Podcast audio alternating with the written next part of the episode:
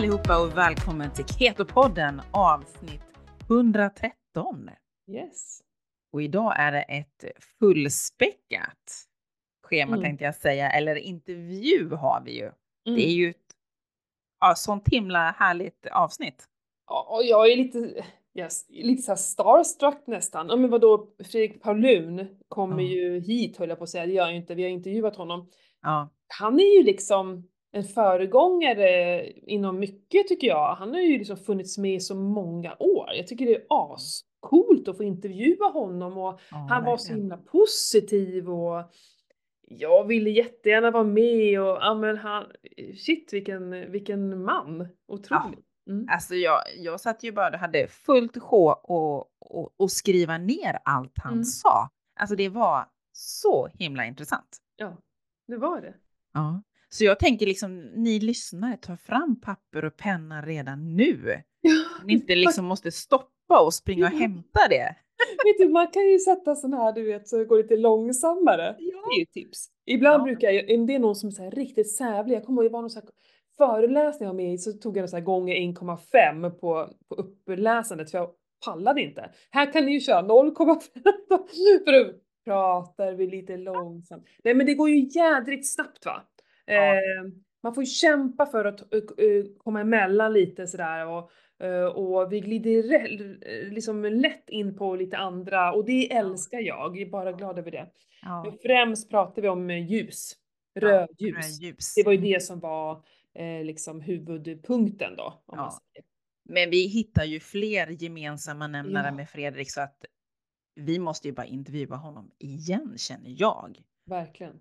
Verkligen. Vi hade, alltså hade inte vi liksom rundat av så hade vi säkert haft tre timmar minst. Ja, nej men nej, det- never ending story. Alltså det, Ja. det, det var bara så trevligt att prata med honom. Ja, Eh, verkligen. Och som du säger, det går ju bara att lyssna. Ja, Alltså, man hade inte behövt att ställa några frågor för att det är så intressant. ja, Och jag vet också, gå in och eh, man kan ju följa honom, det kan vi ta upp nu. Alltså han heter Fredrik Paulun bara på sociala medier så det är otroligt enkelt. Men Mm. där vet jag att han, jag är ju med i något slags nyhetsbrev eh, på Nutrilite, i och för sig är det ju, det är ju där han säljer de här lamporna då, rödljuslamporna. Men han kommer med små föreläsningar titt som tätt, så det kan jag verkligen tipsa om att gå in och, och kika på en av hans föreläsningar. Och det brukar vara live föreläsning. mm. Eh, och det finns även tid för lite frågor sen. Eh, jag tror man chattade frågor, jag kommer inte ihåg exakt. Jo men det var nog det man gjorde. Mm, mm, mm, Och så mm. går han igenom eh, några frågor efteråt. Eh, Mm. han har en medhjälpare där. Så det kan man verkligen gå in och, och kika på då om man vill veta ännu mer och lite mer på så här, faktabasis eh, då, det han pratar om. Precis. Mm. Sen har vi ju fått en eh, rabattkod till Ja, alla lyssnare som känner att wow, en sån här lampa vill vi också ha. Ja. Jag vill ha, jag är sugen. Jag, du måste vet, kolla jag gick igång först. när han pratade om att han hade två. Alltså, en som bara brände på bakifrån och en som brände på framifrån och så bara åtta minuter klar. Alltså jag vill ju bara ha en till. Jag vill ju verkligen ha en till. Men jag ska köra på den här lilla ett tag så kanske vi eh, ja, investerar i en större. Vi får se. Men eh, han, han är ju mer och mer kommer ut på ställen också så att man kan komma och göra sån här rödljusterapi. Jag menar, Ja. jag tror inte det finns så många här uppe som erbjuder det. Så att om Nej, jag och- får lite nej. förfrågningar om det så kommer jag ju behöva köpa en större säkert. Ja, Mm. precis. Och jag har faktiskt inte kollat upp om det finns någon i närheten här faktiskt. Jag ska, jag ska nu, ska, jag får Eh, skriva jo, upp det och men det här googla. hotellet. Eh, Just det, var inte, var, vad hette det? Vi pratade om det. eh, ja, var inte det Haga förresten? Hagabadet? det- Nej. Ja, var det det? Strunt samma. Ja, det finns något ställe hos dig där han också kommer komma och ha en föreläsning här i Göteborg. Och där de har köpt in såna här lampor. Eller Ja. men i Göteborgstrakten. Ja, eh, jag kollar upp det. Mm. Eh, Men rabattkoden i alla fall om man var intresserad var Ketopodden 15. yes. Så det betyder ju 15% rabatt på alla deras produkter.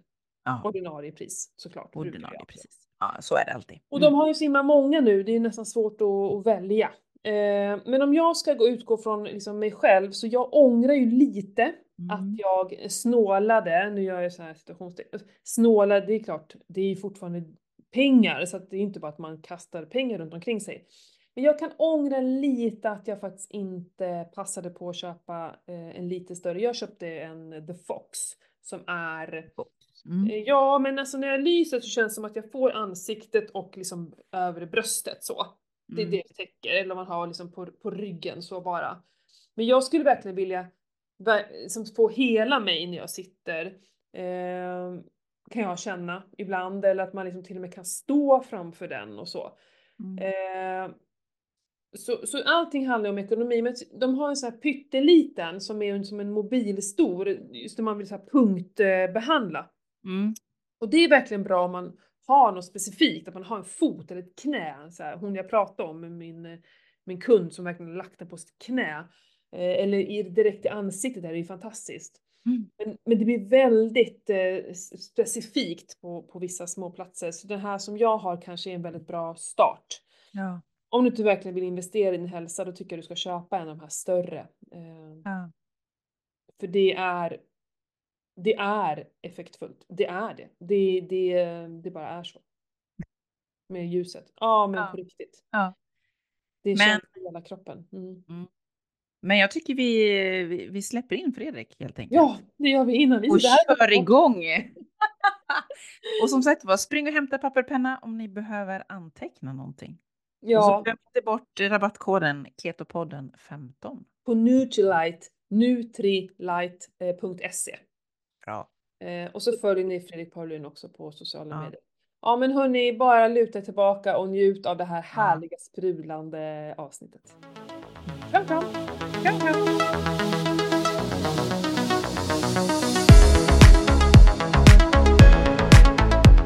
Då, välkommen hit Fredrik Paulun! Tack så mycket. Jag är Det- väldigt glad att få vara med här i Ketopodden. Ja, vad roligt! Det är så himla kul att, att ha dig med. Jag menar, herregud, du, du har ju följt, alltså dig har man ju haft koll på i hur många år som helst känns det som. Både inom kost och hälsa men också ditt, eh, för mig, jag är inspirerad av ditt eh, entreprenörskap eftersom jag också är en entreprenör. Att du Mm. gör så mycket och du verkligen vågar göra. Du bara hoppar in och kör. Och jag älskar sånt. Eh, Så jag inspireras både av din kost och hälsa-del men också av ditt entreprenörskap faktiskt. Ja, vad kul. Mm. Mm. att höra. Bra! Ja, anledningen till att vi tog kontakt med dig är ju först och främst såg vi dig på föreläsningen Mm. på Sockerfria dagen.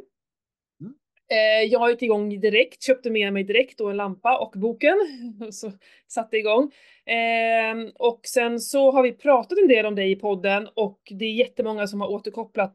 Och eh, jag jobbar ju, jag vet inte hur mycket du kan om oss, men jag jobbar ju som hälsocoach och har klienter och de har skaffat lampan för att jag har pratat och har fått, vi ska prata om det, men vilka häftiga effekter. Det är så kul och få, ska få berätta det här sen. Jag Eh, kan bara nämna att den här um, sockerfria dagen, ja, eh, jag var slängd för Babben blev sjuk.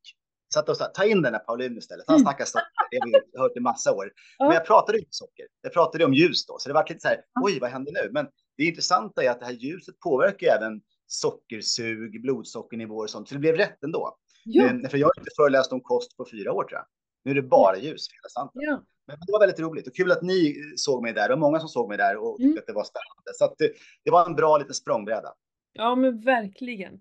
Men vi jag tänker så här, det är kanske inte alla som vet vem du är. Så att om du bara vill först lite snabbt eh, berätta om dig själv eh, och eh, sen kommer vi in på det här med ljuset då, tänker jag. Givetvis. Jag är eh, 53 år gammal enligt passet, men 29 år enligt mina tester i biologiska åldern. Så att jag gör någonting rätt i alla fall. Mm. Och eh, eh, jag har fyra barn, entreprenör som du säger, driver lite olika bolag. Och det som jag gör är att jag drivs ju av nyfikenhet och lust. Det, det är så det funkar. För jag är egentligen en högkänslig person. Så jag är inte gjord för 10 timmars dagar. Jag är inte gjord för de här enorma passen och jag har gjort sådana saker också genom åren, men jag blir ju sjuk av det. Jag får ju liksom högt blodtryck och, och, och hjärtflimmer. Eh, Så att jag ska inte jobba så. Jag ska jobba när jag har energi med det jag tycker är roligt och då blir det bra. Så att Mm. idag eh, efter massa år i branschen så gör jag bara sånt som är kul och tycker är viktigt.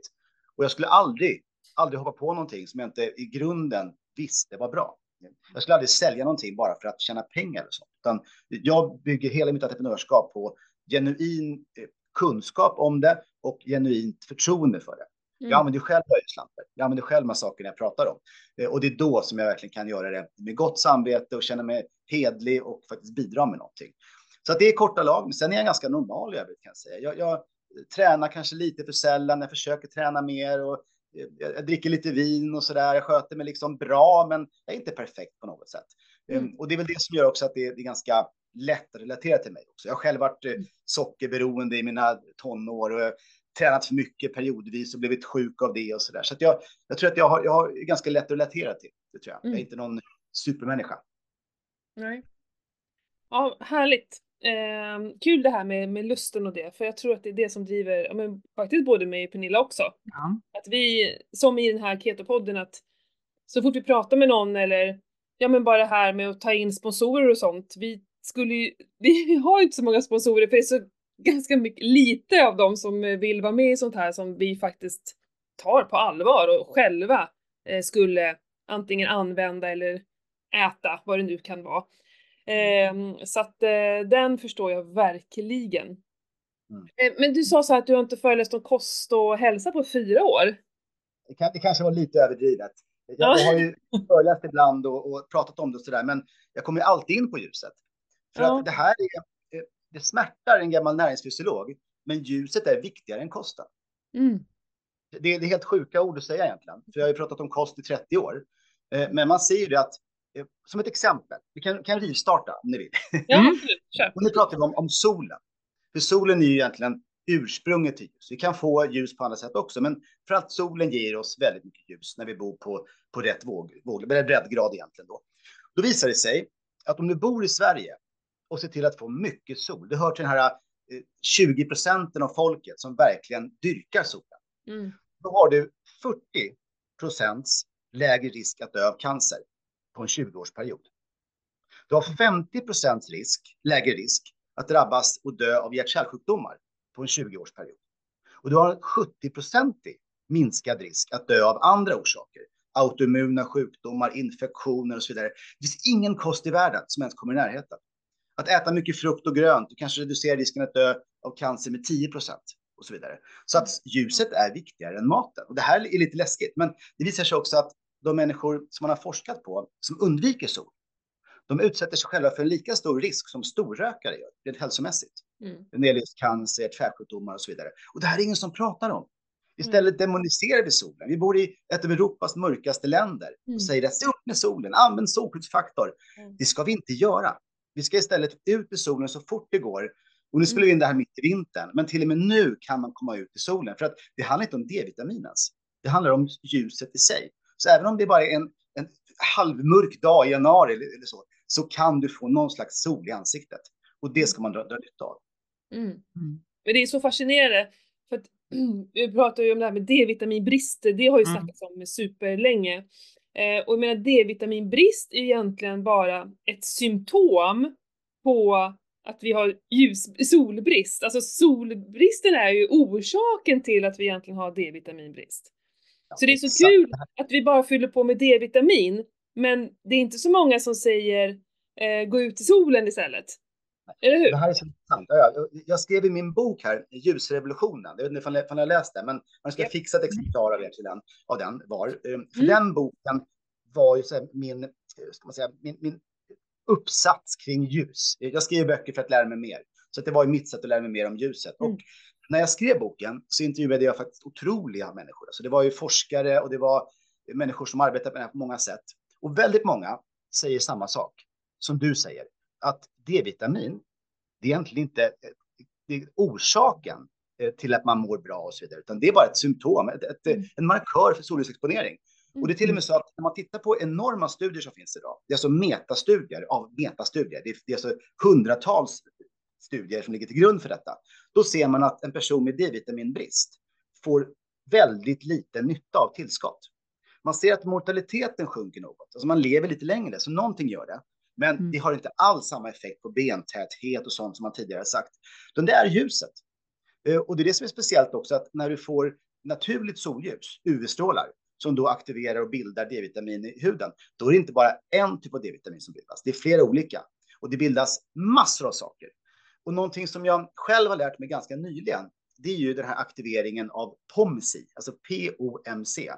Ehm, um, Proopiomelanokortin står det för. Och det är en gen som aktiveras av UV-ljus. Den aktiveras alltså samtidigt som du bildar D-vitamin. Men det är POMSI som gör jobbet. Och POMSI är som ett åkband på tivoli kan man säga, som producerar ett, en enorm peptid som sen bryts ner till olika saker. Så vad det gör det är att det påverkar över 40 olika biologiska funktioner i kroppen. Allt från alltså, sexuella funktioner till humör, till aptit. Allt det som gör att vi mår så bra av solen, det får vi av POMC.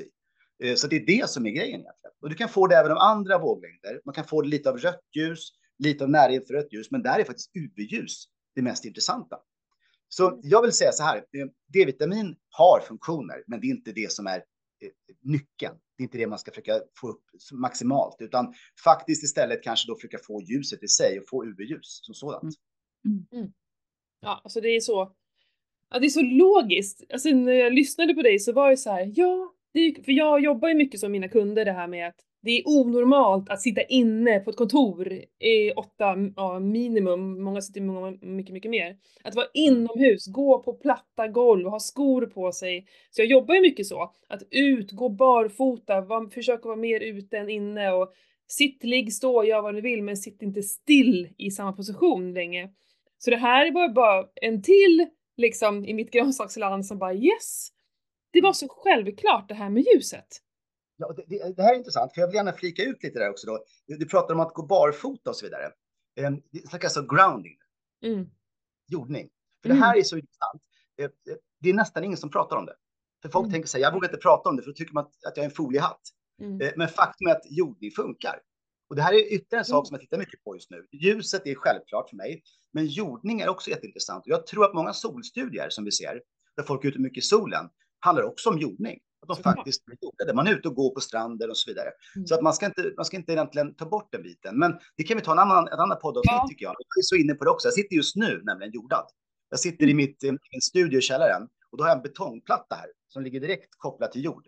Så jag vet att jag är jordad här. Jag har mätt det. Jag kan se att jag är jordad. Och jag mår så bra här nere. Jag känner mig lugn. Jag känner att pulsen går ner och blodtrycket sjunker. Så det här kör också rörelseterapi kan jag säga. Så det är mitt lilla hälsorum också Studio och hälsorum. Ja, men jag, det är så, jag går ju barfota eh, varje morgon och hämtar tidningen. Eh, gärna lättklädd då och gärna i minusgrader, det har ingen betydelse för mig. Och det är ju roligt. Eh, jag är ganska nyflyttad till den här byn och jag har väl redan, jag har väl säkert något smeknamn eller något, men jag älskar att vara annorlunda. Alltså det, det, jag går liksom igång på det. Jag har inga som helst problem av att inte vara som alla andra. Och men när jag pratar med folk om det, för folk blir så här förskräckta men du har inga skor på dig så. Och då när jag pratar om det här, men vad är det mest naturliga för oss? Foten kom liksom före skon. Väldigt mycket längre innan skorna kom. Det här är det naturliga. Och då så ser man att de, nästan alla så här, eller alla ska jag säga, ja det är ju sant. Ja, det är mm. sant. Det är inget Men du måste förstå också att jorden, alltså jordskorpan är en enorm reservoar av, av elektroner. Det är som ett enormt batteri laddat av alla blixtnedslag, hundratusentals varje dygn. Eh, och det innebär att de här elektronerna ska ta vägen någonstans. De tar vägen genom din kropp, genom mm. svettkörtlarna i foten, går in i kroppen. Och det handlar om elektromedicin. Det är ett begrepp som är etablerat. Det, vi känner mm. till det här. Men det är så få som har lärt sig. Så mm. det är verkligen ingen foliehattsnack. Det är verkligen inget konstigt. Det är, det är fullt naturligt. Och jag tycker att det är så spännande. Och det man kan göra också, det är att köpa en känslig voltmeter, alltså som mäter strömstyrka. Och mm. hålla i den och sen sätta ner fötterna på jorden. Då ser man ett utslag du kan alltså mäta att ström leds genom kroppen. Mm. Så det, det, innebär att det här kommer komma. Säg om, om tio år, då är hela byn ute och springer barfota i, i ja. badkläder i januari. Så det, du är liksom en frontrunner. Ser du så? Ja, jag vet. Jag, jag, jag älskar det. Men tillbaka till själva, hur kom du liksom in eh, på det här med ljus? Och, och hur det gick till och sen så här, vad gjorde att du tog tag i och ville göra någonting mer och sprida det? Jag, jag har egentligen eh, genom mina, mitt liv eh, gått igenom massa olika faser. Eh, när jag var liten så på 70-talet, då var jag ute och, och, och snorklade liksom, i Medelhavet och brände mig sönder och samman och kunde se att sol var farligt. Sen fick jag lära mig att leverfläckar kan ge cancer. Det är farligt. Det där var 80-talet. Och då började jag räkna mina leverfläckar och slutade vid 270 tror jag. Jag har ganska många. Jag har den typen av pigment och var livrädd för hudcancer. Mm. Så att eh, under hela mina 20 års ålder, 30 års ålder, då var jag ju liksom solfobiker nästan. Så reste jag utomlands, då låg jag insmord med, med solkräm under parasoll. Och kom hem blekare än vad när jag åkte typ. Mm. Så folk skrattade åt mig, tyckte att jag var helt knäpp. Men jag var så. Och det var liksom inte doktrinerad av utbildningen, jag lärt mig att hudcancer och sol hänger ihop och sådär. Så jag var väldigt skeptisk när jag då under, jag kan säga, det var hösten 2019, strax före pandemin. Då var jag i London på ett sånt där biohack summit ehm, och eh, så handlade det om olika biohack-tekniker, det var föreläsare, teknologier. Det var i september ehm, och det var ganska fint väder minns jag var där och, och tittade och då ställde de ut eh, rödljuspaneler. Och då tänkte jag så här, vad är det för konstigt? Man ska alltså lysa rött ljus på huden, men det stannar ju vid huden tänkte jag. Det kan inte göra någonting, så jag gick förbi bara, strunta i det där. Ehm, sen kom jag hem till Sverige och blev bjuden på lunch av en god vän som är också överläkare. Han är väldigt alltså, akademiskt skolad, vetenskaplig, men lite fritänkare. Och han började berätta för mig, det här var typ tre månader senare, att du borde läsa på om det här med rödljusterapi, Fredrik. För att du gillar ju att lära människor att äta nyttigare för att må bättre. Och ljus gör samma sak. Det kan dämpa inflammationer, det kan ta bort smärta, det kan göra det, det, det, det. Och då tänkte jag också igen då, jag såg de här lamporna, nu har min gamla vän börjat prata om det här, det kanske är någonting, jag borde läsa på. Så jag började läsa på och blev helt fullständigt blown away. Det visar sig att under tiden jag har fokuserat på mitt område, näringslära, så har det studerats ljus. Och det kallas fotobiomodulering. Och nu pratar vi inte om ljus på huden, det kan vi också göra, men, men det är bara den lilla delen. För att om du tittar på UV-ljus till exempel, som vi nämnde nyss här med POMSI och, och att det bildar melanin som gör oss bruna. Eh, det är bara millimeter ner i huden. Men vi kan titta på nästa nivå, det vill säga det synliga ljuset. För UV-ljus är ju kortvågigt och inte synligt, så det är liksom, vi vet inte om det annat än att vi känner att vi blir brända av det. Men nästa typ av ljus, det är det synliga ljuset. Och där kan vi göra lite ett experiment faktiskt, att man tar fram sin mobil. Det här brukar jag göra på föreläsningar också. Och mm. låter folk tända mobilens ficklampa. Då ser vi ett tydligt starkt vitt ljus. Mm. Och vitt ljus, samma som kommer från solen, det vi ser från solen, det är alltså eh, alla färger, huller om buller. Det är eh, blått ljus, grönt ljus, gult ljus, orange ljus och rött ljus. Och då visar det sig att ju längre våglängder det här synliga ljuset har, desto djupare går det in i kroppen.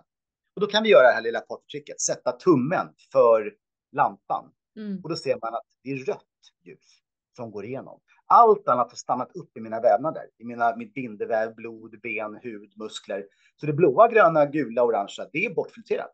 Men det röda går alltså in 2-3 centimeter i kroppen. Mm. Det är intressant. Då har vi börjat titta på en sak.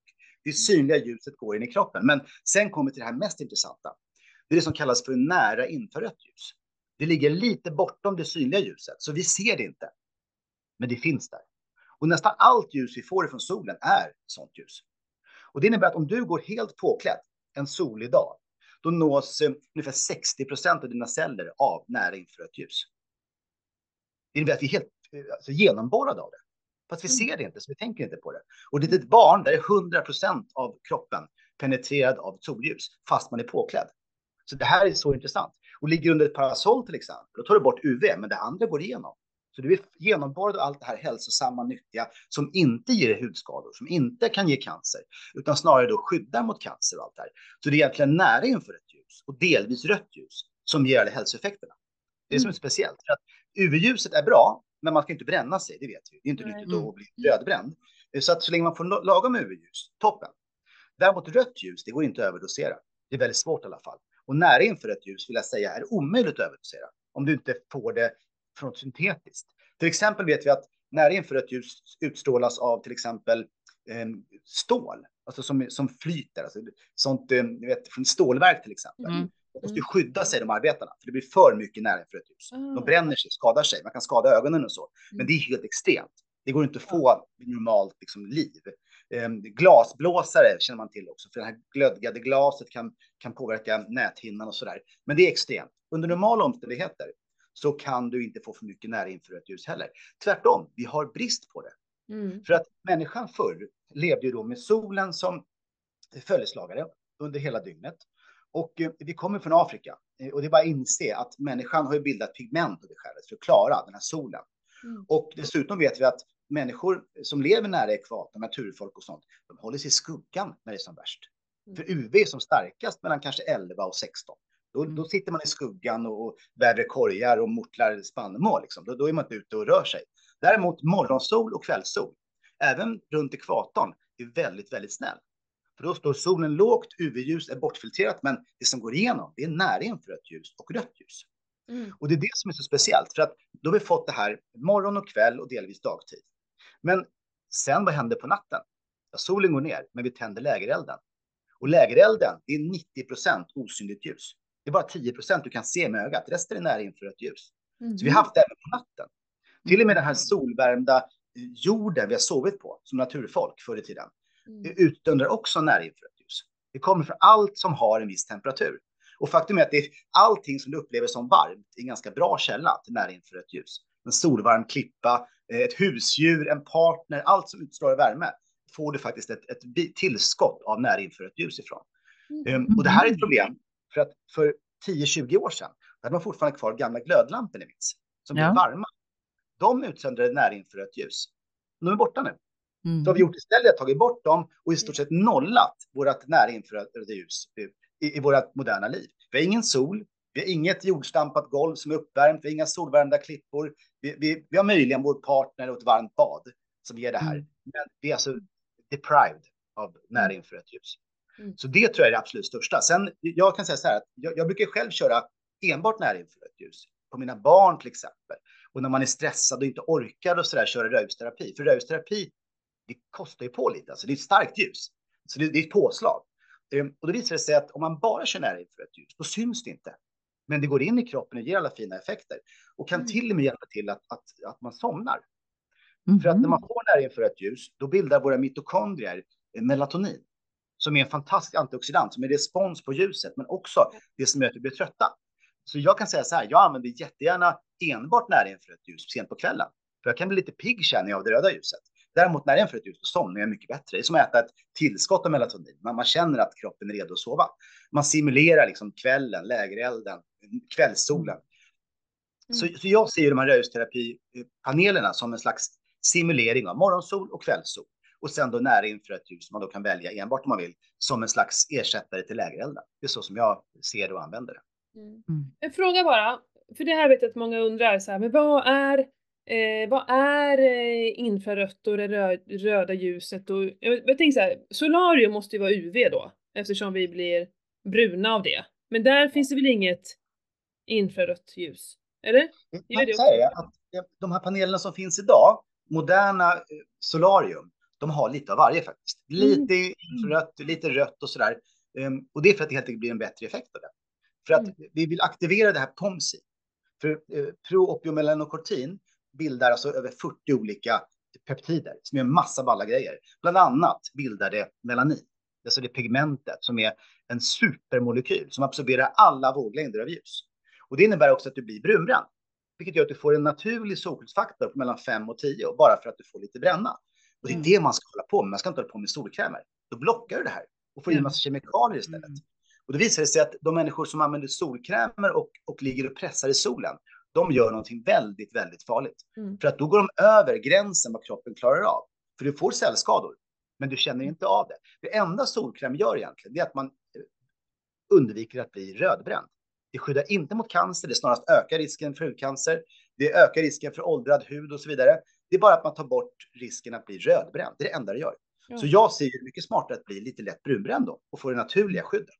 Och mm. känna att aj, det börjar bränna lite, jag måste in i skuggan. Ja måste in i mm. skuggan. Det är jätteviktigt. Ja. För att jag kan säga så här, eh, jag bor själv i Stockholm och eh, för eh, snart tio år sedan så var det en kampanj som man skulle inleda där man skulle börja få förskolebarn att smörjas in med solkräm.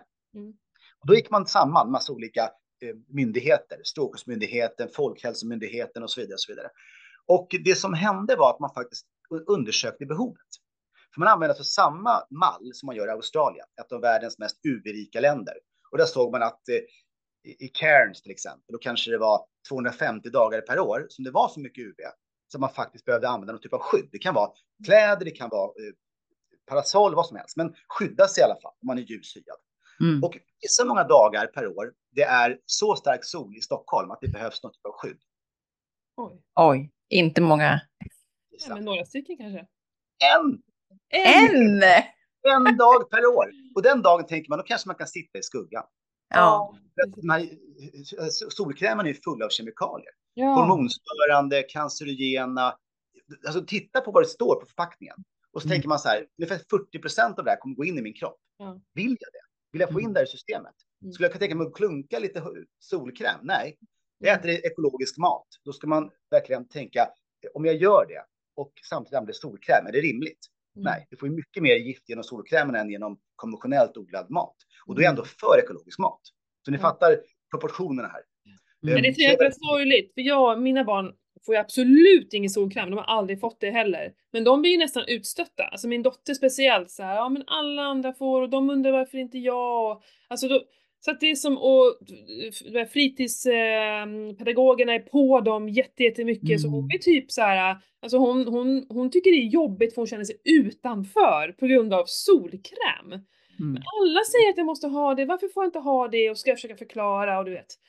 Alltså det är ju jo, skitjobbigt att vara någon som hela, så då tycker de att jag, åh nu är hon så här jobbig igen för nu ska hon ha åsikter om det här också. liksom. Men, det, finns, ja. alltså, det finns ingen myndighet i Sverige som rekommenderar solkräm. Det finns ingen myndighet som gör det. Nej. Och det måste man tänka på. Det måste bara hitta på. Ja. Mm. Och, och det innebär att man ska skydda sig istället. Och det här var ju 2014 var ett stort år, för då skedde just den här försöket att införa det. Och jag, jag, jag pratar mycket med bland annat Pelle Lindqvist som är forskare på det här. Han har gjort de största studierna i Sverige. Han har följt 20, 29 000 kvinnor i Sverige under 25 års tid. Mm. Och han var ändå som utredde det här. Och faktum är att han och jag skriver en bok tillsammans. Så jag är Mhm. verkligen inne, jag förstår bakgrunden, jag lär mig mycket mer om allt det här politiska som jag inte förstått förut. Ja. Och jag, jag har ju bara fått mekanismerna. Jag ser att sol är bra. Sol Mm. gör att vi blir friska, vi får inga infektioner, vi lever längre etc. etc. Mår bättre. Och han då kan förklara forskningen, politiken bakom det och det bizarra att vi har samma solbrott som Australien. Mm. Att vi har helt olika förutsättningar. Det är galet. Är. Eh, Och Australien är ju historiskt sett intressant. för Man skickade ju vä- världens mest solkänsliga folk dit. Alltså rödlätta eh, britter. Ja. Som är känsliga. De har alltså en evolutionär trade-off. Där de har tappat pigment för att överleva på väldigt mörka Mm. breddgrader. Eh, Men att sätta dem då i stolen, klart det är inte bra. Då måste man vara extra försiktig. Mm. Men det intressanta är att en person som är rödlätt, som inte dör av hudcancer, de lever i snitt 6-7 år längre än en person som är, är, är mörk i huden. Och det skälet att de får mer av ljuset, de får mer av, av NIR, rött ljus och allt det där som går in i kroppen. Så det här är en evolutionär trade-off. De är gjorda för att bo på mörka områden och inte gjorda för att bo på, på ljusa områden. Och omvänt gäller att har du mycket pigment och bor i Sverige, då måste du brassa på med så mycket ljus du bara kan. Alltså är du mörkhyad och bor i Sverige, du kan inte leva som en vanlig svenne. Du måste verkligen se till att få ljus på dig. För Mm. att din hud absorberar så mycket av ljuset. Mm. Så det är jätteviktigt. Eh, Och jag eh, snackar- in en sak där? Jag har en, Mm. en av mina PT-kunder nämligen, hon är från Somalia. Mm. Och eh, hon har sådana problem med sina leder och det här har jag sett förut också. Ehm, för jag har träffat eh, många därifrån tidigare i mina verksamheter och de har så ont, alltså det går inte att förklara och läkarna de, de kan inte, de, de vet inte vad det är. Och det är samma sak hela tiden. Så jag började för att stoppa in henne i och sa du måste börja basta, du behöver värme, du behöver liksom mjuka upp dina, dina leder för hon var så otroligt spänd också. Eh, men så hade hon varit hemma här i, var det, i somras nu tror jag det var. Ehm, och kom tillbaka och då sa hon det att hon mådde så mycket bättre, lederna var så här. Och då, då sa jag så här, vet du, du ska inte bo här. Det är det som är problemet. Det är för mörkt här, det är för lite sol. Och sen då är hon Mm. täckt, liksom Mm. hela tiden. Exponerar sig överhuvudtaget inte över solen. Hon har ju flera lager också med kläder som hänger över. Och jag sa, det här är inte, jag, jag förstår dig, men det här är inte bra för dig. Liksom, rent hälsomässigt.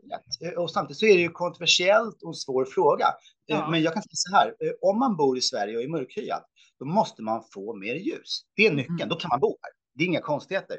Eh, men till exempel när vi pratar om, om rödljusterapi, som är som ett ko- koncentrat av solljus kan man säga. Jag ser det, rödljusterapi för mig, det är som att ta ett kosttillskott av ljus.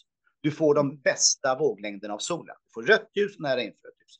Och när, när jag använder det här på mörkhyade personer, då krävs det ungefär 30% mer behandling.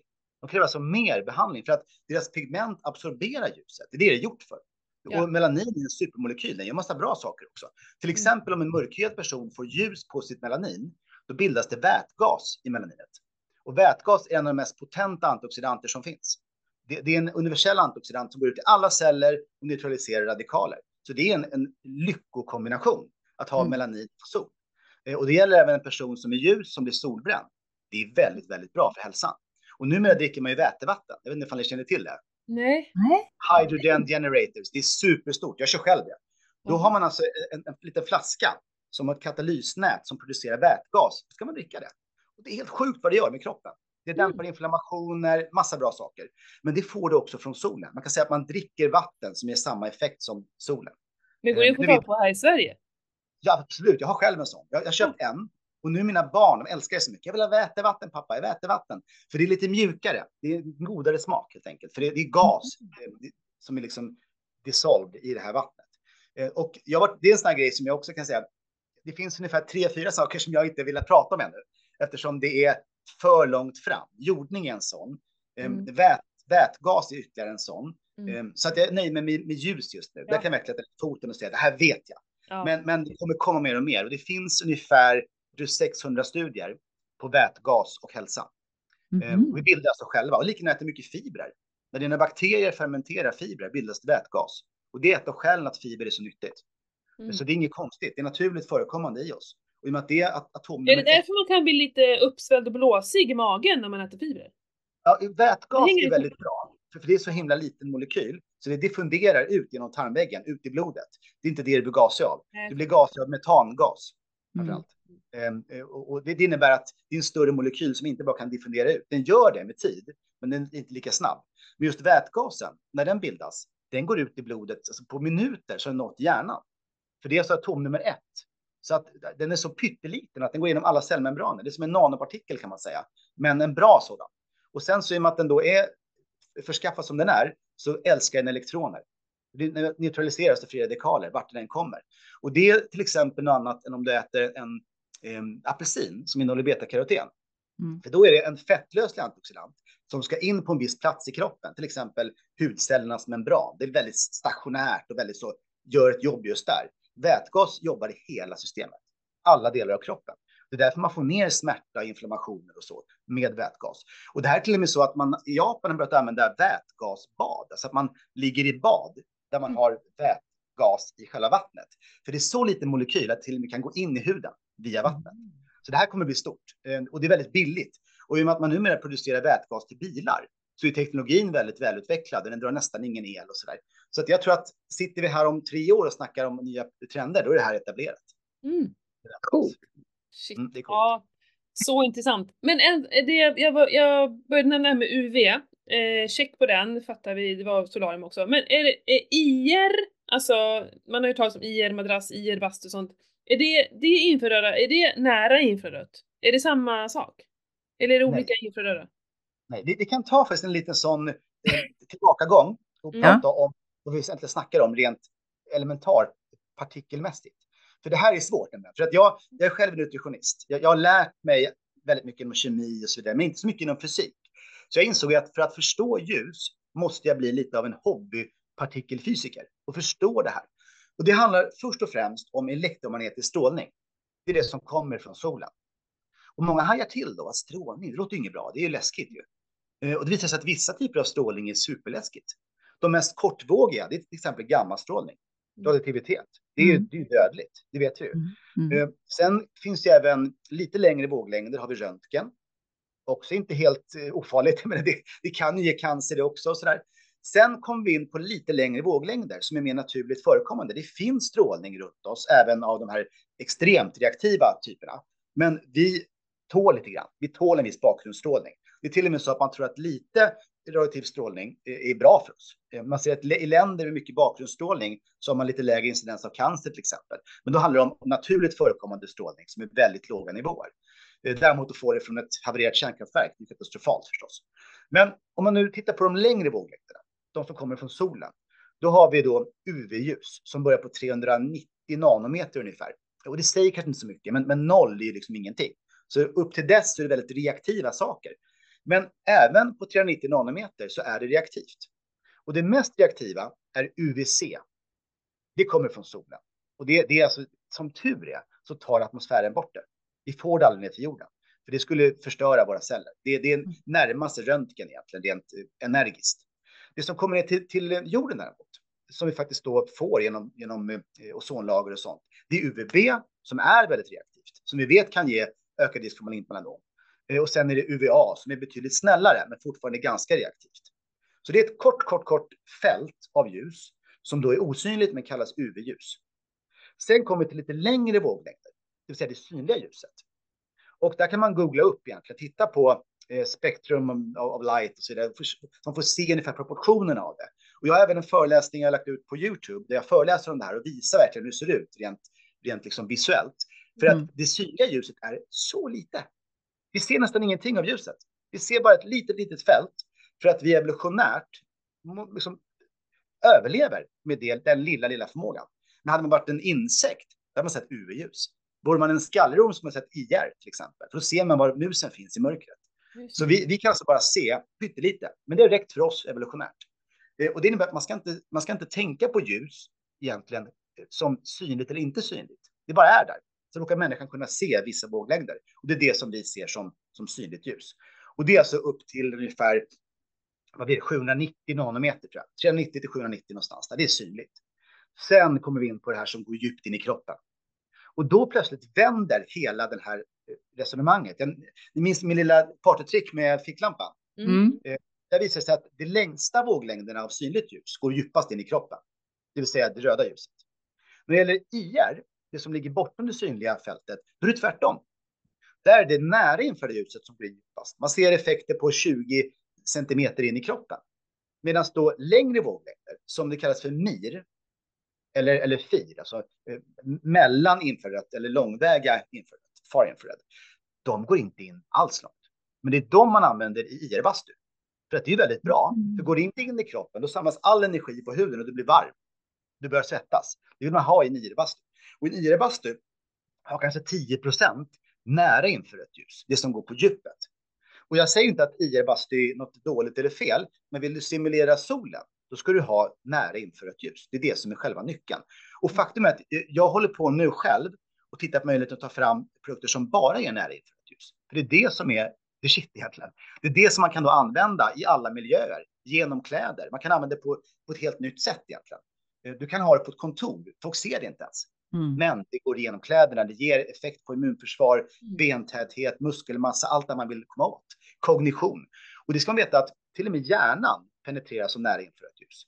Så om du får ljus på huvudet, då går det in i hjärnans djup, mest djupa delar. Och det påverkar alla celler i hjärnan förstås. Mer mm. energi produceras, inflammationer minskar. Så personer med typ Parkinsons och så, de mår ju så mycket bättre på sommaren. De mår så mycket bättre när de får ljusterapi mot skallen, till och med de är nära inför ett ljus som man inte kan se. Mm. Ehm, så jag, jag ser ju nära inför ett ljus som hjälten egentligen. Sen är rött ljus coolt och bra, men skulle jag välja skulle jag bara köra nära inför ett ljus. Mm. Man kan ställa in hos barnen, de, de ser inte ens. Det bara är där. De leker mm. runt, får en effekt. Um, så det är det som jag egentligen har kommit till, till, insikt, att det är det ljuset som är absolut mest intressant. Så för att svara på frågan om IR, där finns det då tre typer. Nära infrarött ljus, den bästa typen, och sen mellan och långt, som då inte går in lika djupt och inte lika intressanta. Men mm. där snackar vi upp till 10 000 nanometers våglängd på, på det här far infrared. Så det är jättelånga våglängder som är väldigt snälla. De är inte farliga för oss. De har låg energinivå eh, och de, de, är ganska. Eh, de, de, är bra för att de värmer oss i solen till exempel. Därför är det så skönt att sitta i solen. För du mm. får ju en uppvärmning på huden. Ja. Så de är ju bra. Jag vill inte säga något mm. ont. Jag vill inte baktala de längre mm. våglängderna. Mm. Eh, oj, jag vet inte, nu, det var så mycket nu som rörde sig. Jo! Jag förstår det.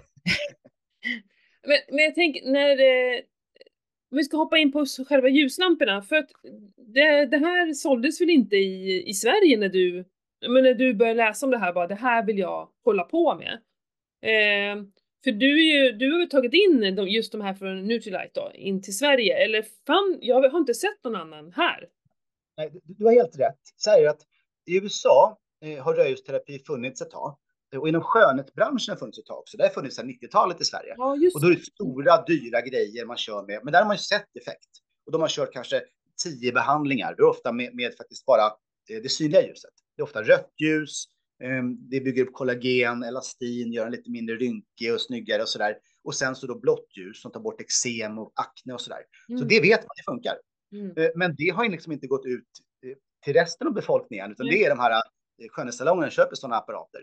Och det man vet idag är att om du kombinerar rött ljus och nära infrarött ljus, då får du en väldigt bra effekt. Det är liksom som en synergisk effekt, för att det är det som simulerar morgonsol och kvällssol. Det människan är evolutionärt anpassad till.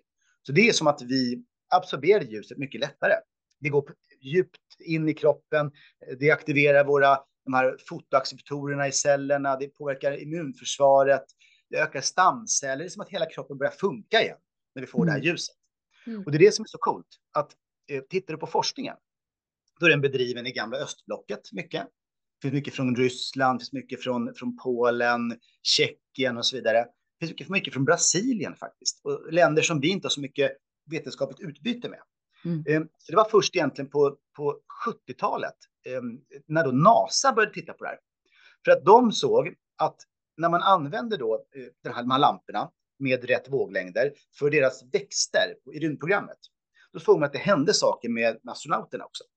Eh, när de höll på och fixa med växterna så såg man att små sår på fingrarna, de läkte snabbare. Då undrar man varför var det så? Jo, ljuset har sådana effekter. Det påskyndar läkning, påskyndar återhämtning. Så NASA var ju drivande i början, eller forskning kring det här. Så där finns det mm. jättemycket studier publicerade på biologiska mekanismer. Och sen har det då kommit igång ordentligt nu. Ehm, I USA är mycket forskning. Det finns en del i Europa, Frankrike och så där. Eh, och jag kan säga så här. Eh, tittar man på utvecklingen inom forskning och röjhusterapi så är kurvan som en, liksom en rak pil uppåt. Så. Om det var, säg att det var 30 studier per år i början av 90-talet, så kanske det var 70 studier per år på, på 00-talet. Nu är vi uppe i ungefär två studier per dag. Mm. Så det påverkas alltså jättemycket nu inom forskningen, för man inser att det här är ju grejen. Och eh, nu är det mycket anekdoter ska jag säga, men jag får ju varje dag mejl för människor som har sjukdomar som då är helt symptomfria efter att ha använt det här. Mm. Och det är reumatism, det är olika typer av sjukdomar. De är helt förbluffade och de förstår inte varför. Jag säger så här, det, det kanske är andra orsaker, det kanske är lampan, men forskningen tyder på att det hjälper till i alla fall. För jag lovar inte någon att man ska bli frisk av det. Mm. Men det är så många anekdoter hela tiden som dyker upp. Folk som aldrig man kommer komma in i någon studie, det kommer aldrig göras någon forskning på dem. Läkarna bara slår bort det och säger men det är bara att du har haft lite tur. Mm. Du äter lite bättre, du äter rätt medicin och så. Men de vittnar om att de har blivit så friska från många sjukdomar. Jag tänker på din klient där, hon som hade ont i lederna och så. Väldigt många med smärta upplever att det är det löser problemet. Mm. Eh, för att väldigt mycket av smärtan är ju inflammatoriskt påverkad. Om du inte har det som en mekanisk skada, då är det inflammationer som ligger och pyr. De mm. dämpar man genom att det påverkar makrofagerna i kroppen. Det påverkar cytokinerna, det som ger inflammationer. Så de studier som finns idag på röjsterapi och smärtlindring visar att röjsterapi är ofta överlägset eh, läkemedel i smärtlindring och det sker direkt. Så sitter man i en session med det här och kör 15-20 minuter, då känner man direkt smärtan är borta. Och det varar upp till 12 timmar, den här smärtlindringen. Ibland 24 timmar och ibland kan man häva en smärta eh, för, för gott. Och det kan jag ta en anekdot faktiskt från mitt eget liv. Det här var innan jag fattade någonting om det här. Men jag hade jätteproblem med mina leder när jag pluggade, eh, när jag var typ 22, 23 någonstans där. Där är 90-talets början. Eh, jag hade alltså jätteproblem. Jag hade så ont i mina tåleder att jag kunde inte gå. Så jag började knapra Voltaren för att kunna gå till skolan. Och det här var mycket psykosomatiskt tror jag, för jag var stressad i skolan. Man skulle verkligen prestera. Alltså att plugga till mm. nutritionist, det är ingen lek. Liksom. Det är mycket kemi och mycket svåra ämnen. Så det var rätt tufft faktiskt. Och jag åt Voltaren minns jag. Jag kunde halta till skolan. Ehm, jag utvecklade en slags astmatiska besvär av läkemedlen. Så jag mådde inte bra. Det var hosta. Mm. Så jag tänkte, jag måste göra något åt det här. Jag kan inte bara knapra Voltaren resten av livet. Så jag gick eh, till läkaren. De gjorde reumatiska undersökningar. Jag hade ingen reumatism. De visste inte vad det var. Och sen hörde jag bara från en kompis att jag, jag har en, en, en läkarkollega som jobbar med laser. Testa det. Jag fattade ingenting av det här. Jag visste verkligen noll. Men det visar sig att laser och röjsterapi, det är samma sak. Det är bara att man mm. använder då ljus som är koherent, som det heter. Där våglängderna ligger i fas. Det är det man gör med laser. Men det är exakt samma våglängder med röjsterapi. Och då gick jag till den här killen. Det här var 92, tror jag, något sånt. Han körde sin lilla märkliga, ser ut som en liten scanner nästan, på mina tåleder en gång. Det vart lite bättre. Och sen en gång till. Och tredje gången, sen så försvann smärtan helt och aldrig kommit tillbaks. Så med den här teknologin kunde jag då totalt ta bort min smärta som var fullständigt outhärdlig tidigare. Och det här är mm. anekdot, helt ovetenskapligt, men det är min erfarenhet. Mm. Sen gick åren, jag pluggade näringslära och jag hade glömt bort det här. Tills jag då började läsa om detta för fyra år sedan och insåg att det var ju det jag fick. Mm. Det var ju fotobiomodulering. Så många med sådana svåra smärttillstånd som då inte beror på en mekanisk skada, de, de kan få jättemycket hjälp av det här. Um, så jag vill verkligen säga så här, testa. Det, det, det är helt ofarligt. Du kan säkert låna av en kompis, du kan åka till någon, någon, något ställe som har det här. Det är många som det är ganska dyra ställen idag som har det, typ Sturebadet, Hagabadet. Jag har ett. Man kan komma hem till mig. Ja, men underbart att få DMa dig då, så de kommer att testa. För jag tycker att det är värt att göra. Har man ont, kör en session, se vad som händer. Kör en till, se vad som händer, utvärdera. För kan man lindra eller till och med i vissa fall då häva en smärta så är det allt. Mm. Jag ska säga, jag gick ju och stu, jag vet inte, inte stuka foten, men jag trampade snett här. Jag har gjort det ganska mycket tidigare så jag vet när det är allvarligt och när det är så här, nej men det här är ingen fara. Så att det var så jag fick ringa efter hämtning, så ont gjorde det. Vi lindade jättefort eh, och sådär. Eh, så det vet jag ju hjälper också. Men sen satt jag 10 minuter två gånger om dagen och så, alltså jag la eh, lampan ner och så satte jag fötterna på den Liksom verkligen. Mm. Eh, två gånger tio minuter, en gång på morgonen, en gång på kvällen. Och alltså efter, du vet jag haltade första dagen. Alltså jag hade obeskrivligt ont och eh, men jag hade lite svullnad under dag två, eh, dag ett och dag två började bli bättre. Dag tre, helt borta. Det är helt sjukt alltså. Det var helt borta. Mm. Eh, eh, det gjorde inte, alltså jag, jag fattade inget. Jag, tänk, men så jag tror att det hängde ihop med att vi lindade fort och jag har ganska bra läkarkött och sådär. Men lampan, absolut, gjorde ju sitt. Vi vet, mm. vi vet vad den gör. Vi vet att till exempel Helt om du har en, fraktur så ökar eh, osteoblasternas aktivitet. Det vet man. Det innebär mm. att du bygger benstommen. Mm. Eh, själv bröt jag ju faktiskt en stortå i somras när jag var ute och jagade ungarna på gräsmattan. Ja. Eh, jag var liksom inte lika lättfotad som dem och fastnade med stortån i gräsmattan. Och då körde jag samma sak. Mm. Och, och det, jag, behövde använda, jag tog en värktablett tror jag, direkt, bara för det gjorde så jäkla ont. Sen behövde jag inte ta mer. Jag har även mm. gjort en liten bukoperation. Jag hade ett brock som jag opererade för något år sedan. Jag tog också en värktablett, sen körde bara, bara rörelseterapi. Så att det är smärtlindrande, det påskyndar ja. läkning. Och nu faktiskt har Victoria-kliniken, som jobbar med plastikkirurgi, tagit in de här. De märker det, att deras klienter, deras patienter, de blir röriga mycket, mycket snabbare. Det mm. läker snabbare. Och nu snackar vi om, om ofta skönhetsoperationer och sånt, men, men, men det, är ju, det är ju så intressant att till och med de använder det här idag. Mm. Ehm, jag tror mycket på det att använda rörelseterapi som en direkt smärtlindring, som en sån behandling när man har ont någonstans. Mm. Eh, om jag är stel i nacken eller någonting, då kan jag köra där lokalt. Men sen ser jag också rörelseterapi som det dagliga ljuset. För ja. att jag ser ju idag ljus som ett näringsämne. Du behöver det. Annars mm. slutar cellerna att fungera som de ska. Och det innebär att fyller man på med det här dagliga, då, då kommer du må mycket bättre. Ehm, du kommer, kommer se effekter på dig själv. Och det jag märkte, det första jag märkte, det var när jag köpte en lampa eh, hösten 2020. Då hade jag liksom varit på den här mässan, ett år hade gått. Jag hade snackat med min, min läkarkompis, jag hade börjat läsa på och så där. Och då körde jag den här lampan varje dag, bara på ryggen.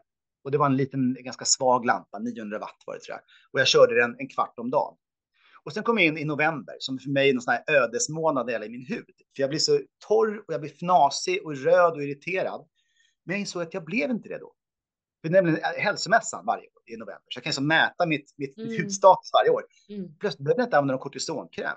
Inte ens mjukgöra Så att bara köra på ryggen gjorde att min hud i ansiktet vart bättre. Mm. Så det var ju för mig, liksom, ja, det är inget snack om saken. Det här är bra för mig. Och sen mm. började jag använda det och märkte att jag fick mer energi. Ehm, just det smärtlindringen är så uppenbar. Och så fort man får ont någonstans, kör direkt lokalt på. Men du får alltså både en systemisk effekt om du kör på hela kroppen eller delar av kroppen och du får en lokal effekt om du kör riktat dit du ska. Så det är det som är så speciellt. Det och det är finns, som... ja. finns det någon maxtid man ska sitta, tänker jag? Max? Alltså, eller kan man sitta hur länge som helst? Det är så här, allt kan ju bli för mycket av. Ja. Så är det. Men det finns en intressant, eh, eh en, en, en intressant egentligen funktion i det här som jag har börjat läsa på och börjat förstå mer och mer. Man pratar om en bifasisk respons och det går ut på att man helt enkelt får en effekt när man börjar använda lampan. Eh, den är bra.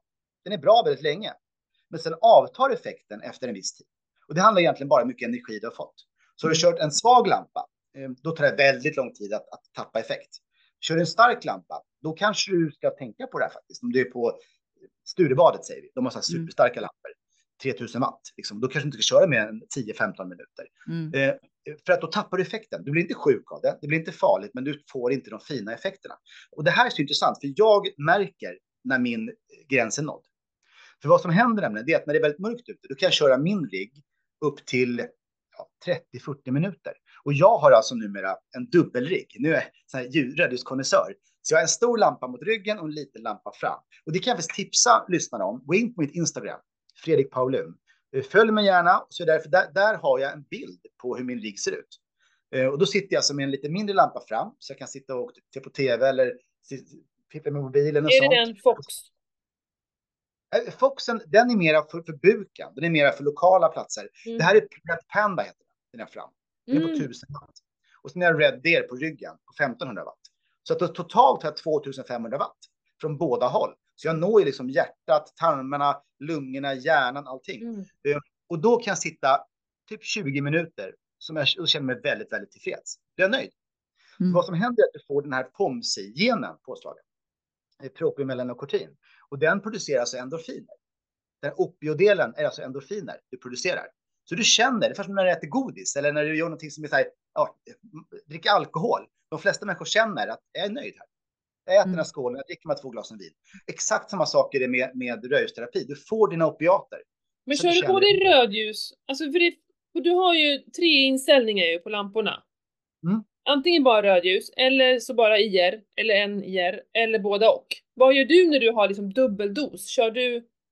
Jag kör rött ljus och närinfrarött ljus. Ja, du gör det. Mm. Jag kör aldrig bara rött ljus. Jag ser inget syfte med det. Nej. Eh, det kan vara någon som har typ problem med huden eller som skönhet. För då, då kan man se också att använder man eh, NIR för ansiktet, eh, då är det en del som tror, det är inte bevisat, men tror att de kommer tappa fett i ansiktet och få lite så här hårlökt utseende. För vi mm. vet att om man använder NIR på kroppen så frigörs det fett från fettcellerna. Det bränner fett. Det, det är bra för formen. Bra för magrutorna om man säger. Men du vill inte ha det i ansiktet. Och det här är sagt var, det är inte studerat. Jag har sett studier på NIR där man snarast ser bra effekter. Så jag är inte rädd för det. Men det är väl det enda gången jag tänker att någon kanske vill köra bara rött ljus. Mm. Annars säger jag kör nära inför rött ljus och rött ljus tillsammans. Är det sent på kvällen, du blir lite pigg av det röda, kör mm. bara nära inför rött ljus. Mm. Det är de lägena som jag har själv. Mm. Jag kan säga jag är, är ganska tolerant, men jag är också nattmänniska. Så jag kan köra min behandling vid 10 på kvällen och ändå somna vid 12. Det är inga problem. Men min hustru kan inte det. Hon blir pigg av det. Så att det jag gör då, sätter jag på lampan till henne bara med nära inför Mm. Då kan de sitta utan att se ljuset. Det blir inte det här påslaget. Och det går igenom kläderna också, så det är väldigt, mm. väldigt tacksamt. Ja, för det hade jag också en fråga här av en eh, kund om det här med kläder. Hur mm. eh, man, hur man är exponerad. För jag brukar, jag gör ju ofta på morgonen och då har jag ju min morgonrock på mig. Då bara drar jag ner den lite. Nu ångrar jag så mycket att jag köpte en liten. Eh, varför gjorde jag det? Eh, man vet ju inte innan. Eh, så att, då känner jag så att jag vill verkligen exponera mig så mycket som möjligt. Men det har egentligen inte så stor betydelse. Jo, alltså säg så här, det röda ljuset, det, det tas bort av tyg. Och du kan ja. faktiskt ta och lysa igenom, sätt, sätt för ett, ett, tygstycke, då ser du ljuset som går igenom. Men det närinförda ljuset, det, det penetrerar mycket djupare. Så jag kan säga så här, jag brukar rekommendera att vara klädd som på stranden. Det är mitt tips. Och är du själv, var naken. Jag är alltid mm. naken. Jag sitter där och brassar på liksom överallt. Ehm, mm. Och eh, det ser man om man belyser alltså de intima delarna. Hos män ser man att testosteronnivåerna ökar. Hos mm. kvinnor ser man också att hormonnivåerna normaliseras och påverkas på positivt sätt. Så att det är bra att få in det i kroppen också. Ehm, mm. Så jag tänker ju så här, försök vara så lättklädd som möjligt. Mm. Men sitter du i ett kontorslandskap, kör liksom, eh, kanske knäppa upp lite grann, dra upp ärmar och sånt. Och så mm. kör du bara ni för att inte störa någon. Då mm. kommer du väldigt långt. Men just det faktum att man har räknat ut det här, att även om du bara är helt påklädd, du har någon, någon linne tunika på dig eller någonting, så kommer 60 procent av cellerna att få det här ljuset. Så det går igenom, det kommer ge effekt. Sen ska jag säga att du, du förbannar dig själv för att du köpte en liten panel. De är ändå bra. För att de kan du flytta runt, du kan köra lokalt på ett lätt sätt. Och det man kan kompensera genom att använda dem längre också. Mm. Eh, det är det som är saken, att så länge du använder en liten panel länge, kanske dubbla eller trippla tiden, då ger det samma effekt som en stor panel. Sen mm. jag har ju lite bråttom ibland. Jag vill kunna köra mitt på 10 minuter helst. Så jag har ju nu en, en ny rigg jag beställt. Det här är verkligen för kondensörerna. Jag kommer köra två sådana här Red Kangaroo som är 150 höga, 38 breda. Två kör jag alltså nu på 3000 watt styck. Så jag mm. önskar på tomten och han har lovat att de kommer här i januari någon gång. Så att det ska bli så skönt. Då kan jag stå helt naken mellan de här två, köra 7-8 minuter så är jag klar. Mm. Det är ju fantastiskt. Jag ska lägga ut på Instagram. Man ska inte få se ja. något men man ska få se resten. Så det ja, kan vara lite... Också, eh, vi har ju lite frågor här och det, nu när vi ändå är där, det är så här, hur långt ifrån ska vi vara? För att, eh, det som jag förstod när jag har läst och lyssnat på dig är att när man har då, som då när min fot, jag hade verkligen eh, en skada, då var det, då hade jag liksom den rakt på. Eh, jag har också sån här eh, Reynolds syndrom. Så jag har också... Jag, jag vet exakt. Ja, jag har också haft mina händer mitt på. Eh, och liksom gjort en som en, gör som en terapi av det. Ganska tråkigt bara att sitta där. Ska jag säga, för man kan ju inte göra någonting under tiden eftersom händerna ligger på. Eh, men, men om man inte då har någon speciell eh, plats eller skada som man vill eh, belysa, om man säger så. Hur, vad, hur långt ifrån ska man vara egentligen? Tillbaka syndrom, i och med att jag ja. lever med en kvinna som har det. Mm. Faktum är att du kan även belysa kroppen. För vad som händer är att lymfkärlen vidgas, blodkärlen vidgas, cirkulationen kommer igång, även om du belyser kroppen. Eh, sen är det bra att belysa händerna också, men, men du behöver inte göra det om det är tråkigt. Nej, okay. En liten, liten parentes. Ja. Sen är det så här att eh, det tar ungefär åtta minuter för ljuset att nå jorden från solen. Och då tänker man så här, det är ganska långt. Mm. Varför filtreras inte allt ljus bort på vägen? Jo, det är vakuum.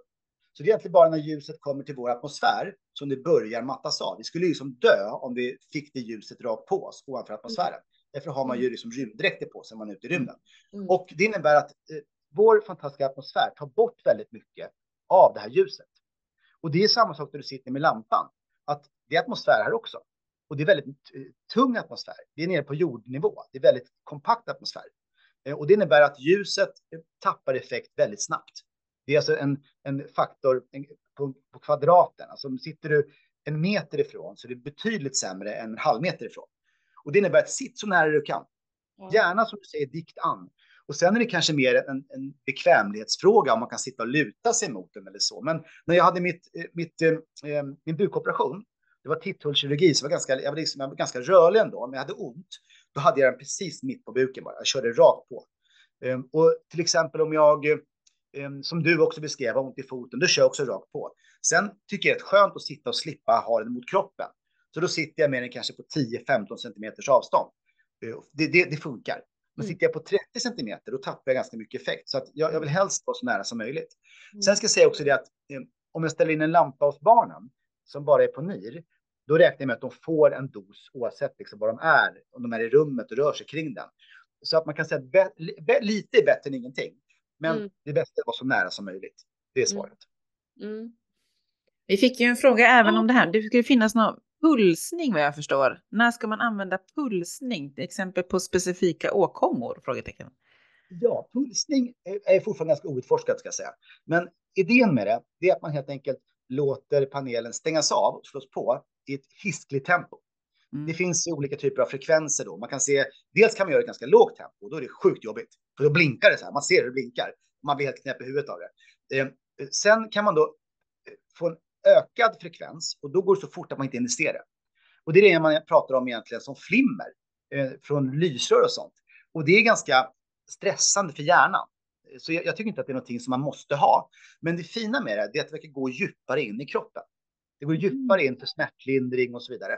Så just för smärta, då tycker jag pulsning kan vara intressant. Men då får man tänka på det också att lampan är ju faktiskt avstängd en viss del av tiden. Så själva behandlingstiden måste ökas lite. Så jag, jag kör inte pulsning på mina sessioner. Har jag inte ont någonstans, då kör jag bara kontinuerligt ljus som lyser.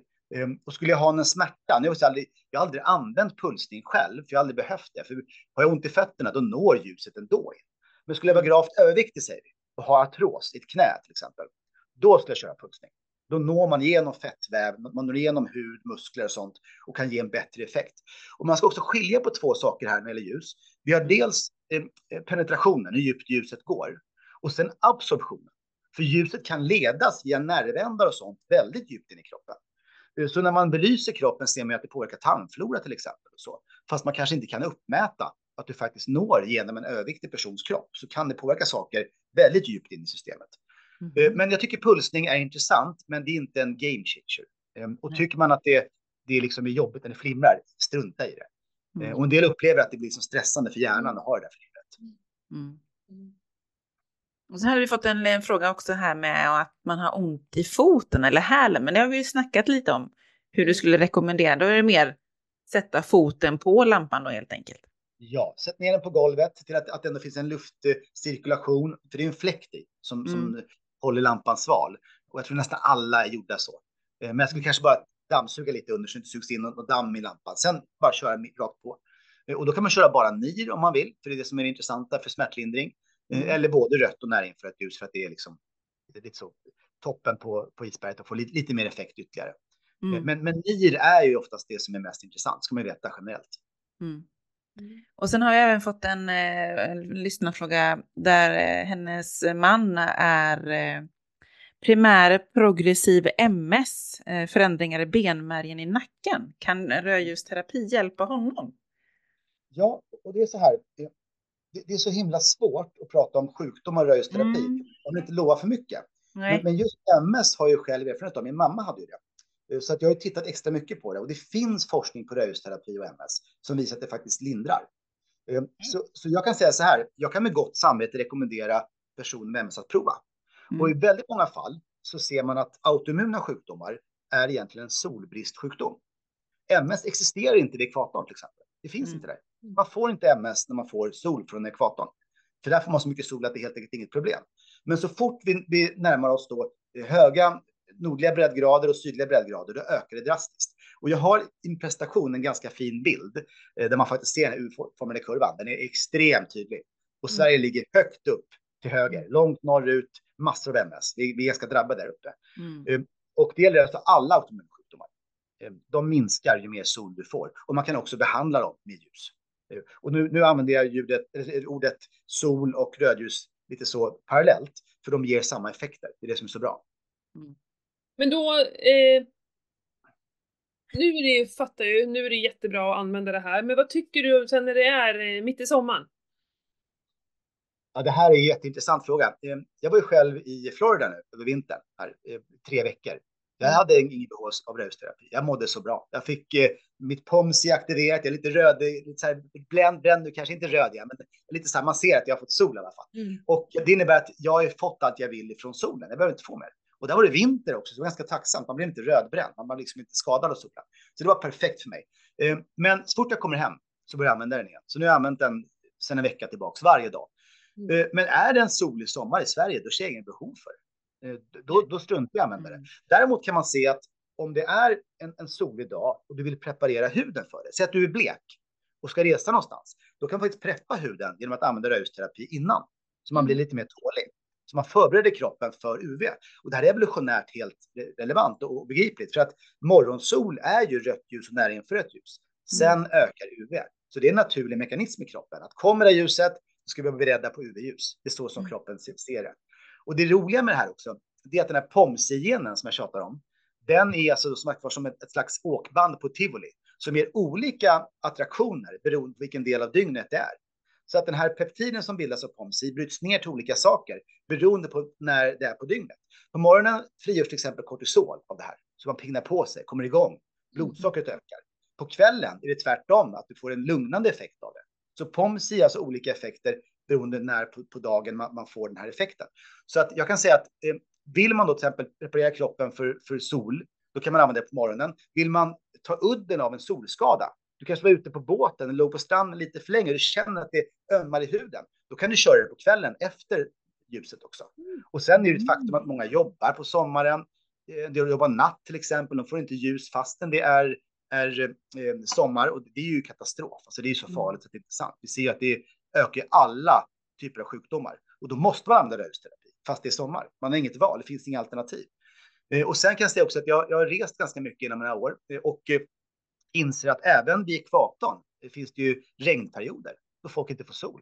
Det är bara mm. moln, moln, moln. Många lever i städer med höga hus. Solen når inte ner till gatorna. Kommer du till en indisk stad, folk är alltid påklädda, sitter i bilar, långa ärmar, långa saris och så vidare. De mm. får inte dit tillräckligt mycket sol. I Mellanöstern, det är för varmt för att vara ute. 47 grader liksom i en vanlig onsdag i, i juli. Det går inte att vara ute. Så att det här kan behövas i alla möjliga typer av klimat. Men eh, lever du på perfekta breddgraden, den, den, kan vi ganska snabbt slå fast att den är ju där de blå zonerna ligger. Strax mm. norr om ekvatorn eller strax söder om ekvatorn. Det är där mm. alla blå zoner ligger, där folk lever länge. Um, och då får vi lagom mycket sol. Vi, får, vi kan vara ute i solen, vi har tillgång till den. Den blir inte en börda och den blir inte en, en bristvara. Då är det väldigt, väldigt bra. Ehm, så att solen brukar räcka till, men ibland går det inte och man måste vara ganska medveten för att få sol i tillräcklig mängd. Men själv kan jag säga att jag ställer in min röjsterapilampa i hörnet i regel på sommaren, för jag är ute jättemycket. Jag är mm. ute barfota som ni säger, jag är ute liksom med, med bara överkropp från april till eh, september ungefär. Mm. Mm. Mm. Ja, så att allting är ju beroende på hur man lever då. Men man får inget på sig om man sitter inne hela sommaren. Nej, exakt så är det. Ehm, så att då får man tänka till och använda röjsterapi för att fylla på. Återigen, ljus är som ett näringsämne. Får vi inte det får vi brist och vi blir sjuka. Mm. Om jag får berätta, för jag hade samtal nämligen med en av mina klienter i morse och då, eh, då, då säger jag att det här är så, det här är så fantastiskt tycker jag för att hon eh, eh, har sån här apnémask när hon sover och får jättemycket utslag av det och eksem och har då svårt att ha masken för att det gör jätteont.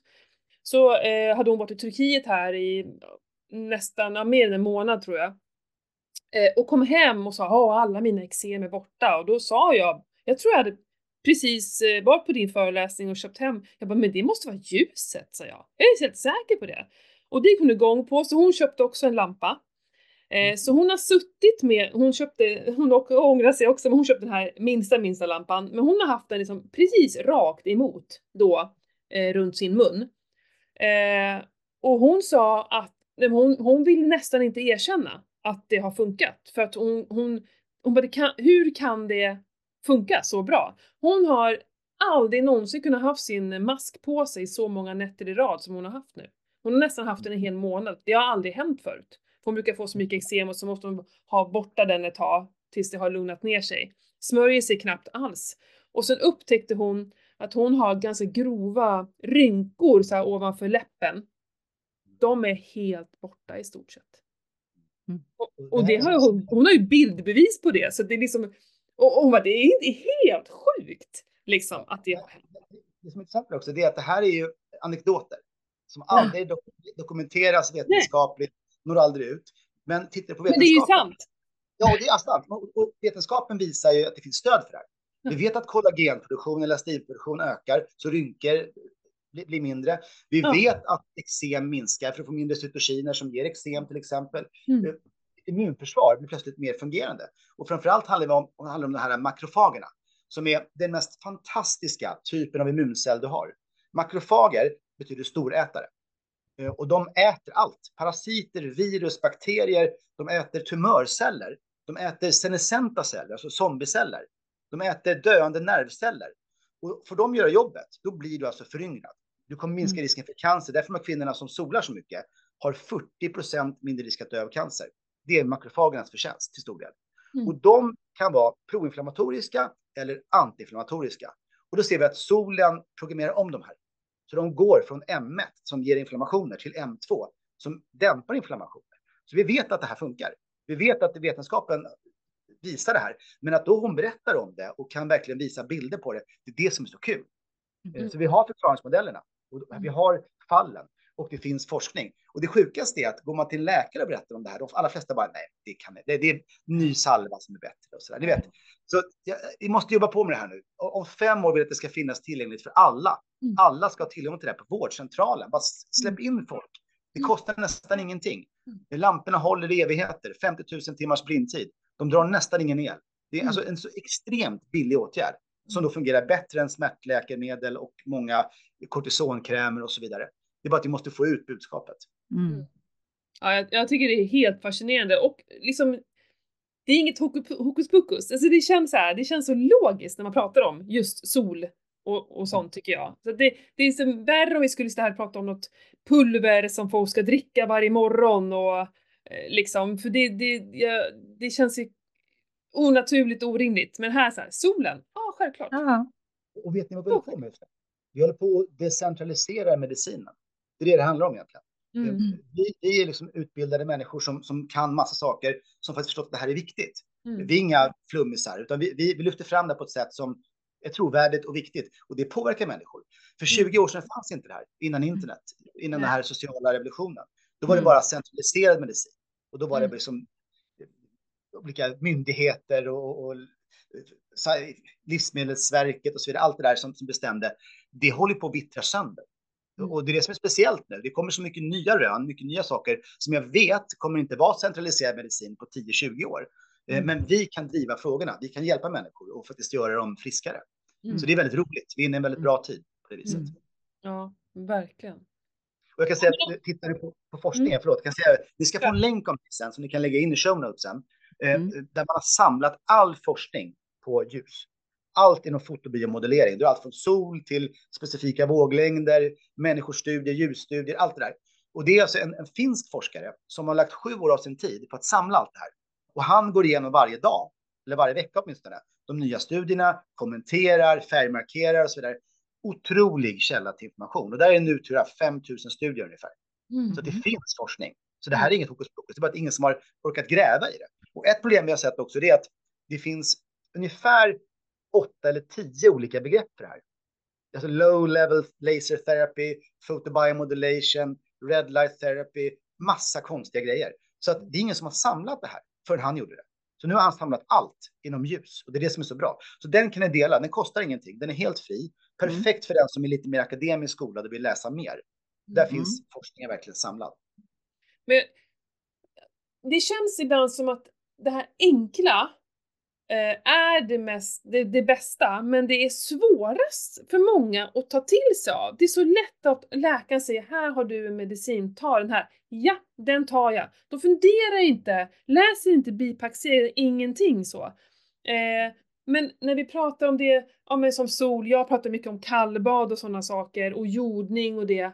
Eh, och äta liksom naturlig mat, köp inte halvfabrikat. Ah, det, det känns lite jobbigt, nej det där, jag, jag fattar inte. Vad är det som gör att vi, vi, så fort det blir liksom helt naturligt, då blir vi lite rädda som att nej men vadå? Det där låter farligt, det är bättre att köpa något färdigt som någon bara ger mig som jag inte vet vad det är. Ja, jag tror att det kommer förändras ganska mycket här. Det håller förändras i en rasande takt just nu. Jag det gör det verkligen. Ja, men det gör det. Alltså, i alla fall, jag följer influencers med miljontals följare. Mm. Eh, som pratar om de här sakerna som är mest naturliga i världen med jordning och sånt. Ja. Och kollar du på, på grounding som hashtag, då finns det väl en miljon hashtags på det. Så det, det kommer mm. på Instagram. Mm. Och eh, det jag tycker är intressant också, det är ju att eh, det vi egentligen gör, det är att vi simulerar naturen. Vi simulerar vårt liv förr. Eh, och det finns så många saker jag skulle kunna prata om eh, som inte hinner med idag. Men allt från luften vi andas. Mm. Eh, vi bor alltså idag i täta hus där koldioxidnivåerna i inandningsluften blir alldeles för höga. Det påverkar vår hjärna. Vi ska mm. ha vädrade utrymmen. Vi ska inte ha det här. Och vi ska ha, egentligen ska vi inte heller ha de här isolerglasen som tar bort allt NIR till exempel. Vi ska ju leva med ljus på oss till exempel. Mm. Så vi, vi, måste liksom gå tillbaka till ursprunget, hur man mm. levde förr. Sen behöver vi inte leva som man gjorde då, man ska simulera det. Man ska försöka få jordningen. Man behöver inte gå i skinnmockasiner i träsket, liksom. det är inte det jag menar. Men mm. däremot att, att försöka få jordningen varje dag i mm. någon form, det tror jag är jätteviktigt. Mm. Så att simulera det här. Och ett ämne i sig som vi kan prata om något avsnitt sen, det är ju alltså dygnsrytmen. Hur, mm. hur skadad den är hos människor idag. På grund av skärmar, på grund av eh, scheman, folk jobbar på de mest knäppa tider och så där. För det är också någonting som är så centralt. Och jag tror också mycket på att solstudierna vi ser, de som får mycket sol, att de mår så mycket bättre. Det handlar också om att de har en bättre dygnsrytm. Mm. De, de fungerar mycket bättre, för de får ljus vid rätt tillfällen, de får rätt ljus vid rätt tillfällen och mm. allt fungerar bättre. Men, men det är liksom en, en, en hypotes. Mm.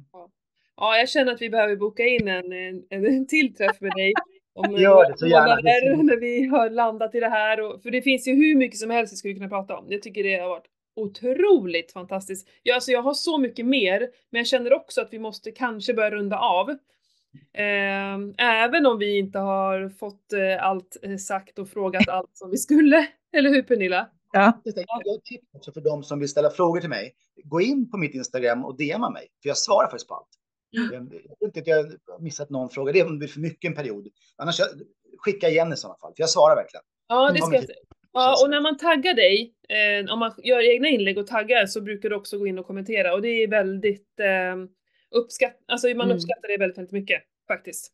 Du vet, nu har jag också upptäckt den här när man kan prata in svar, eh, lilla eh, mikrofonen där. Så jag kan Mm. ganska utförliga svar på väldigt kort tid. Så att DMa bara så kan ni få svar på allt. Det Kan jag. man prata in ett svar? Ja, har du missat det Ja, Matilda? men- ja men du vet hur jag är, jag är ju teknisk livrädd. Ja, men jag har varit det också. Jag lär mig så fem år för sent hela tiden. Men det är bättre än inte alls. Så att nu kan jag svara. Lägger en minut så får de ett jättelångt och bra svar. Det, det Mm. liksom, Och jag som hatar att skriva, det är perfekt för mig att prata istället. Jag älskar att prata och hatar att skriva. Det är bara att Nutrilite blir njuta lite. Åh. så det kan jag inte skriva, jag kan, inte göra allt. Så jag får gå in och förklara lite grann. Men, men annars går det bra. Glöm inte att säga komma bara och sånt där. Då blir det hur bra som helst. Ja, underbart. Ja men du har ju redan sagt eh, var man kan hitta dig, men det är ju Fredrik Paulun, det är inte svårare än så. Och Nutrilite heter ju ditt eh, företag som säljer ljuslampor då. Ja, precis. Ja. Ni har ju Mm. ganska många modeller nu. Det, det verkar komma lite nya hela tiden. Ja, det, det- är spännande. Jag märker ju att det finns ju liksom behov för så många olika typer. Allt ifrån stora starka till små lokala. Och ni ska veta att det tillverkas ju lampor som handskar för dina händer till exempel. Det finns lampor ämnade för underlivet. Det finns lampor för huvudet. Det finns lampor för allt egentligen. Och jag tror mycket också på att det här med, med nära infrarött ljus, att boosta det på ett sätt som gör att det går att använda lite här var. Eh, Så att det kommer komma produkter, helt nya produkter som vi tror är världsunika på eh, inom kort. Här. Så det, det är väldigt, väldigt roligt. Eh, Och jag tror mycket på att alla ska ha tillgång till det här på något sätt i framtiden. Det kommer förbättra folkhälsan väldigt, väldigt mycket. Ja, jag, jag håller alla tummar för att det blir så. Verkligen. ja, men då tackar vi så jätte, jätte, jättemycket Fredrik. Det har varit eh, otroligt inspirerande och roligt att prata med dig. Verkligen. Så tacksam att få vara med verkligen. Det var Ja. så kul. Ja, vad fint. Ha det så gott. Hej då! Hej då!